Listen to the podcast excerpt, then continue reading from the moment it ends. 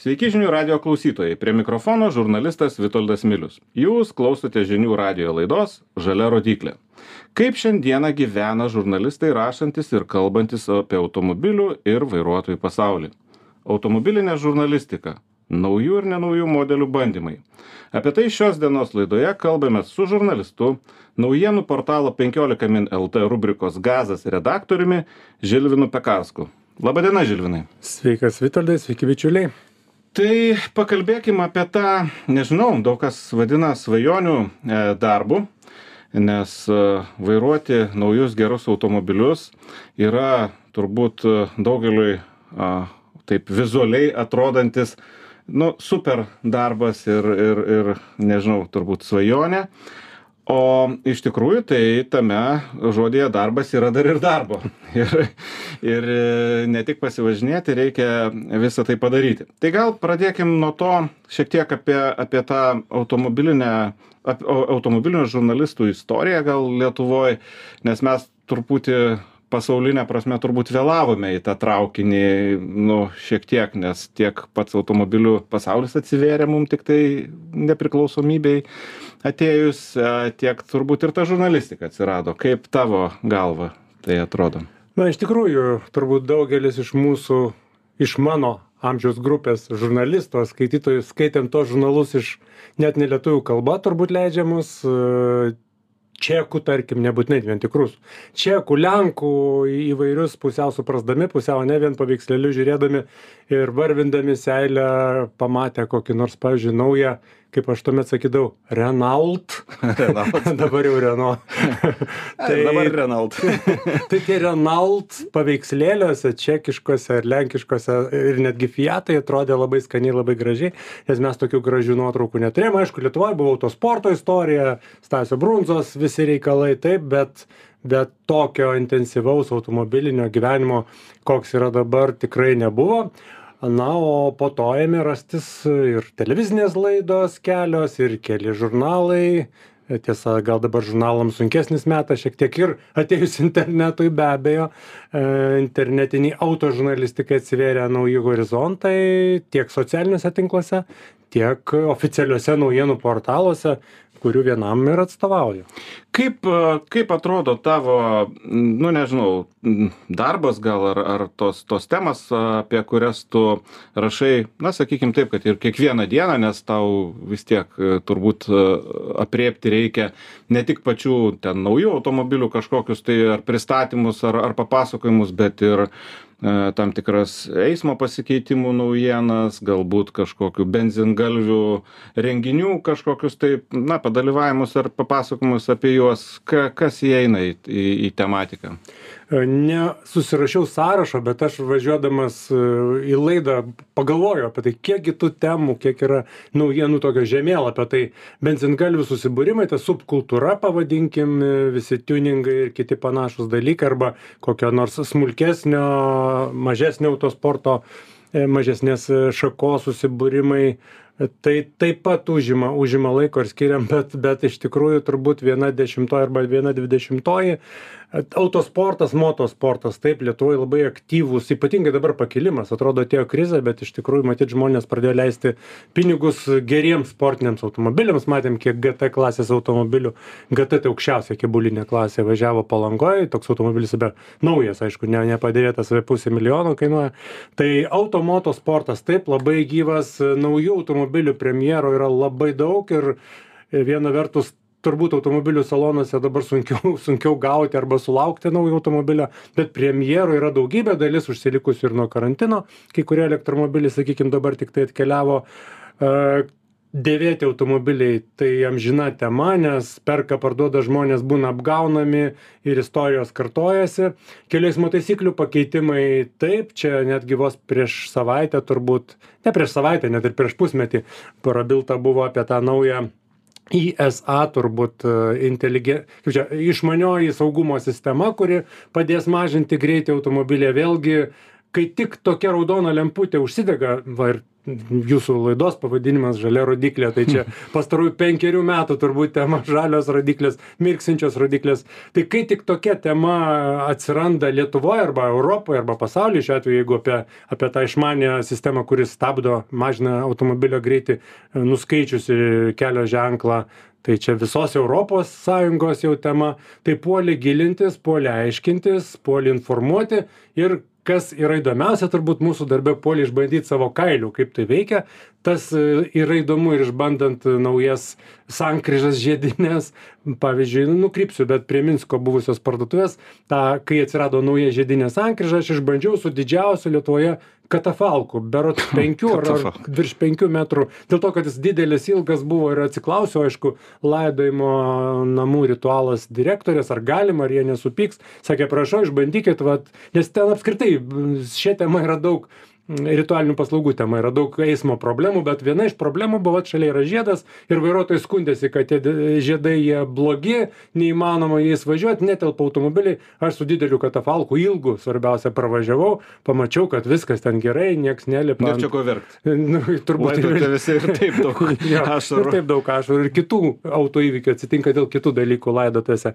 Tai va, tai mūsų darbas yra tikrai tam tikra prasme daug romantikos, daug prakaito, aišku, mes, mes kartais e, tos kelionės, jeigu prezentacijos užsienyje čia atskira tema, tai nieks neskaičiuoja miego valandų. Tas pats apie autosportą, kurį minėjau, tenka dalyvauti, tikiuosi, dar teks dalyvauti ir, ir pasaulio čempionato, ir Formulės 1 kartais, ir 24 valandų serijos lenktynėse. Tai, tai yra toksai turizmas, aš jį vadinu, spartitiškas gyvenimo būdas, kai su kompiuteriu kartais e, tiesiog vaikštai, nesiskiri po trasą, aplink trasą važiuoji paspirtuku, dviračiu, dirbi, rašai, fotografuoji, filmuoji, montuoji, viską darai iš karto. Tai gyvenimas mūsų auto žurnalistų, automoto žurnalistų yra labai įdomus, nes temų bado tikrai nėra ir turint omeny tą transporto virsmą iš vidaus degimo variklių į elektromobilių e, pusę, tai hybridų dabar vėliau ir elektromobilių, tai labai labai labai daug ką bus papasakoti, išbandyti ir paaiškinti žmonėms, nes paaiškinti tikrai reikia. Mhm.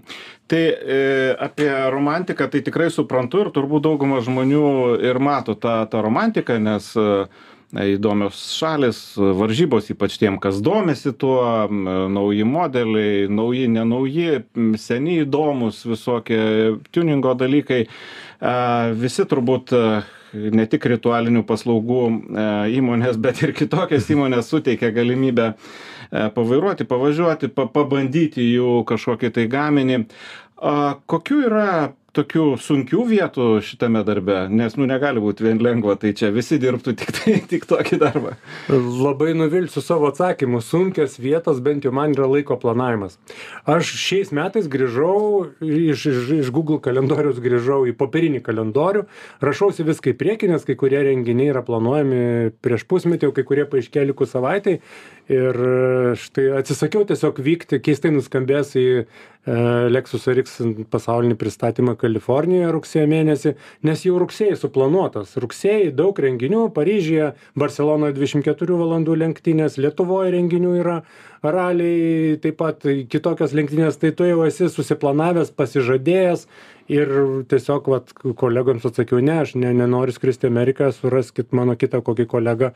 Tai vat sunkiausia yra suplanuoti laiką taip, kad visur suspėtum ir, kas mums yra svarbiausia visiems, suderinti tai su šeimos interesais, ne dėl to, kad šeima to reikalauja, tiesiog pačiam žmogui reikia, vaikai auga, e, žmonos laukia. Ir užaugo, kai Ir kurių. užaugo kai kurių ir iš tikrųjų labai dažnai taip atsitinka, man Liepos mėno labai trumpai, tik pasakysiu, Liepos pirmą išskridau, e, iš dalies į atostogas, iš dalies į lenktynės ir grįžau antradienio rytą, ketvirtą ryto, septintą ryto jau išvažiavau į palangos lenktynės. Vadinasi, tris valandas tiesiog pabuvau per dvi savaitės namuose, pas, paprašiau žmonos, kad surinktų man tiesiog kitus baltinius ir išlėkiau į palangos vadinamąjį ralį, palangos 1006 km lenktynės. Tai vat, nu, tas toks gyvenimas kartais jis labai įdomus, e, daug adrenalino, bet truputėlį susviruoji kartais ir galvoji, ar aš čia, ar verta taip gyventi ant blakstienų ir ar dėl to laimingi mano artimi žmonės. Tai tokie iššūkiai. Mhm. Tai iššūkiai labai yra suprantami, galbūt e, įmanoma, galbūt ir ne. Reguliuoti šiek tiek, nes, kaip, kaip sakai, galima ir atsisakyti skristi kokį ten uh, Kaliforniją, nieko ten toj Kalifornijoje gero. Ne, iš tikrųjų, juokauju, sudėtinga turbūt, nes norisi viską priepti. Ar, ar tų žmonių, tokių kaip tu, yra daug lietuvoje. Ar daug žmonių taip nu tiesiogiai va taip kaip tu kiekvieną dieną ir taip kaip sakyt negrįžtant į namus dirbančių automobilių tematika ką nors veikiančių žurnalistų? Ne lietuvoj tokių žmonių lietuvoj ir baltijos šalyse turbūt nėra daug. Ir mes diskutuojam tiek su automobilių atstovais baltijos šalių tiek su kolegom kad šiose trijose valstybėse tarsi likusi labiau senoji karta jauno kraujo yra mažoka ateinančių nes daug kas eina į viešuosius ryšius arba dirba kitą darbą.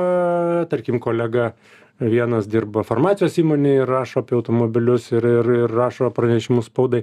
Bet kiek su pasaulio žurnalistais esu susipažinęs su švedu vienu tarkim tai tai jie nuolatos ant ratų nuolatos skraido ir apskritai jie apie eismo saugumą nerašo.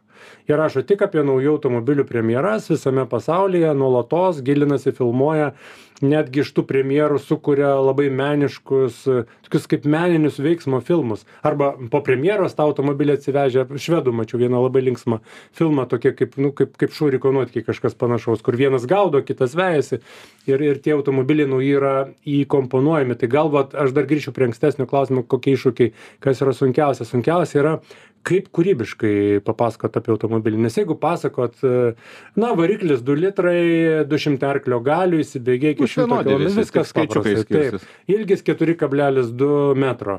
E, gale telpa kojas arba netelpa nu ir panašiai.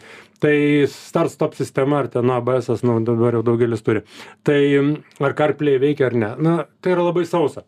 Ir iš tikrųjų ieškau kartais na bandau ieškoti kito kampo ką papasakot. Kartais nuvažiuot į įdomesnę vietą su tuo automobiliu ir papasakot kažkokią istoriją šiek tiek susijusią ir su automobiliu ir su ta įdomia vieta.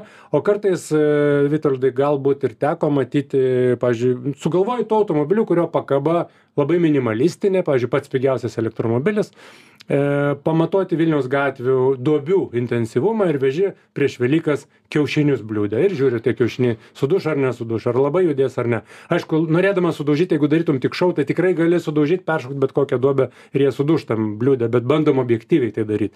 Tai va tai kūrybiškumo paieškos yra labai didelis iššūkis ir sunku kiekvieną kartą rasti tokį sprendimą kad paskui pasižiūrėjęs ar tą video filmą ar savo straipsnį paskaitęs sakytum va padariau tikrai kaip niekas kitas nepadarė. E, sudėtinga tai bandydamas šiandien bandydamas vat šiemet pernai matydamas kas darysis šiek tiek bent pusmetį į priekį nes tikrai turbūt matai ir jauti kaip kaip tu jauti tą elektromobilių atėjimą nes vis tiek kaip žmogus bandantis kasdien nu turbūt ta realybė ne tą ką pasakoja gamintojai ne tą ką pasakoja valstybės e, tarnautojai kuriems reikia pasakoti bet kaip tu pats jauti mm, tą progresą? Ar jisai ar jisai visgi tokį kokį piešia mums dažnai ten tuos metus tai visi mhm. vardija Taip, taip. visokius.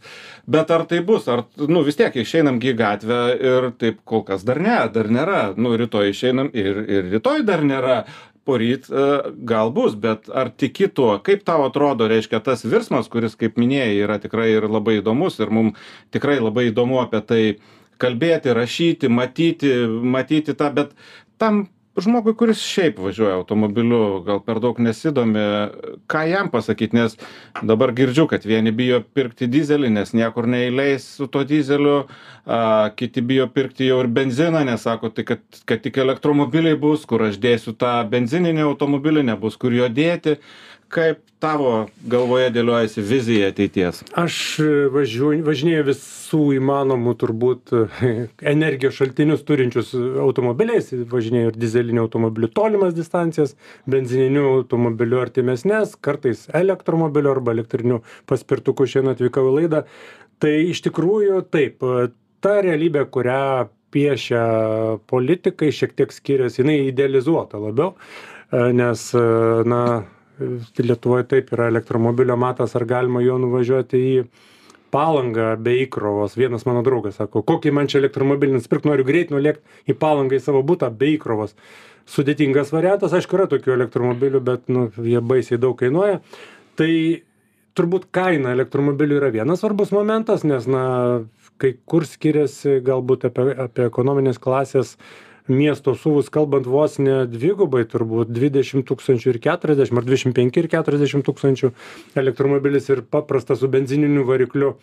A tai labai didelis didelės kainų žirklės ir negalim lyginti su skandinavais kurie moka dar ir kaip čia mokesčius baudas už taršą tai kompensacijų mechanizmas yra vienas dalykas bet jie dar ir dėl baudų nemokėjimo renkasi elektromobilius ir jiems tai tikrai finansiškai apsimoka.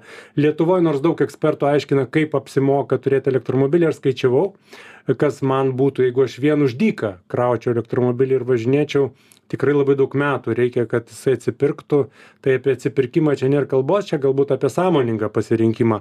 Bet vėl mes diskutuojam kada tas elektromobilis tampa žalias nes pagamint elektromobilį tai yra žymiai didesnė co du emisija negu pagamint standartinį automobilį. Vadinasi tu turi po to įkrauti tik žalia elektros energija. Va čia didelis klausimas ar mes tikrai visada galim krauti tik žalia elektros Tai energija? kol kas klausimo nėra, dar ne, Nu, dar da šiandien negalim. kai kurie tiekėjai deklaruoja kad ten žalia pas juos bet nežinau. Aš taip linkęs kartais ir suabejoti o namuose jeigu krausim tai be abejo turbūt tai bus ne žalia.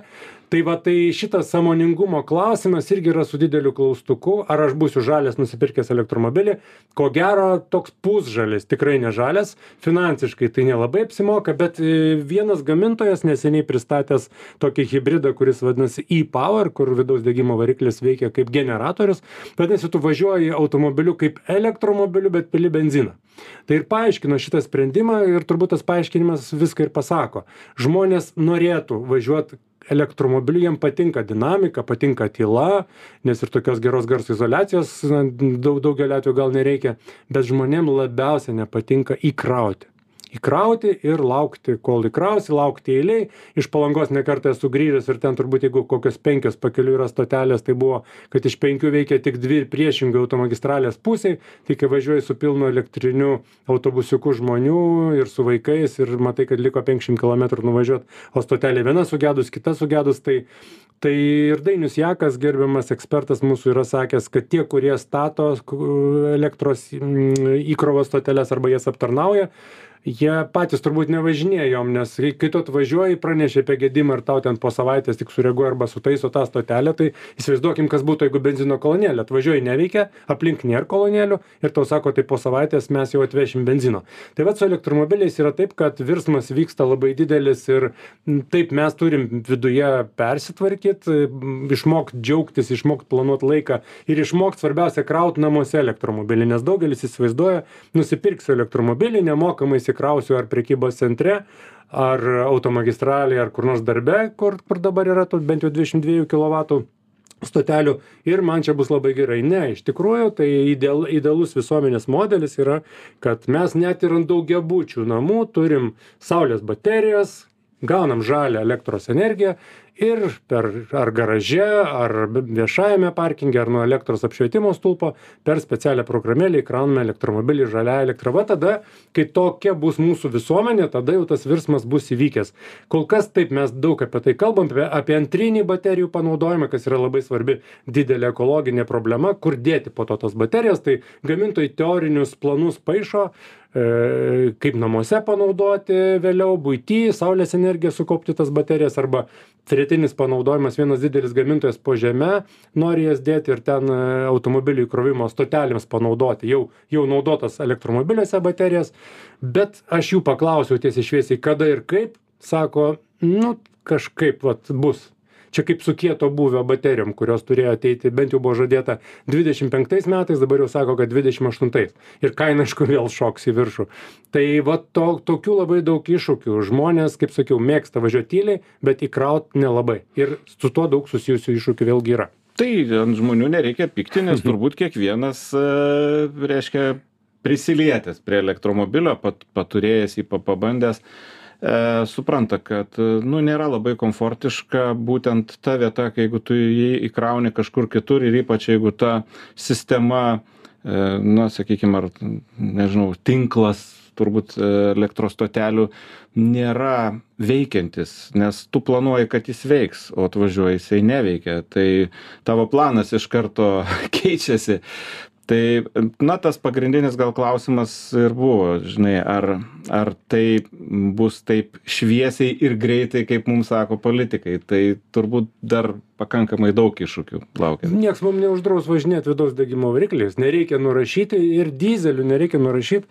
Aš pats tam dyzely kuriuo važinėju tik aš stengiuos būt labai čia yra paradoksas stengiuos būt sąžiningas keist visus filtrus e egr vožtuvus kas kainuoja daug pinigų bet kad būčiau sąžiningas prieš visuomenę.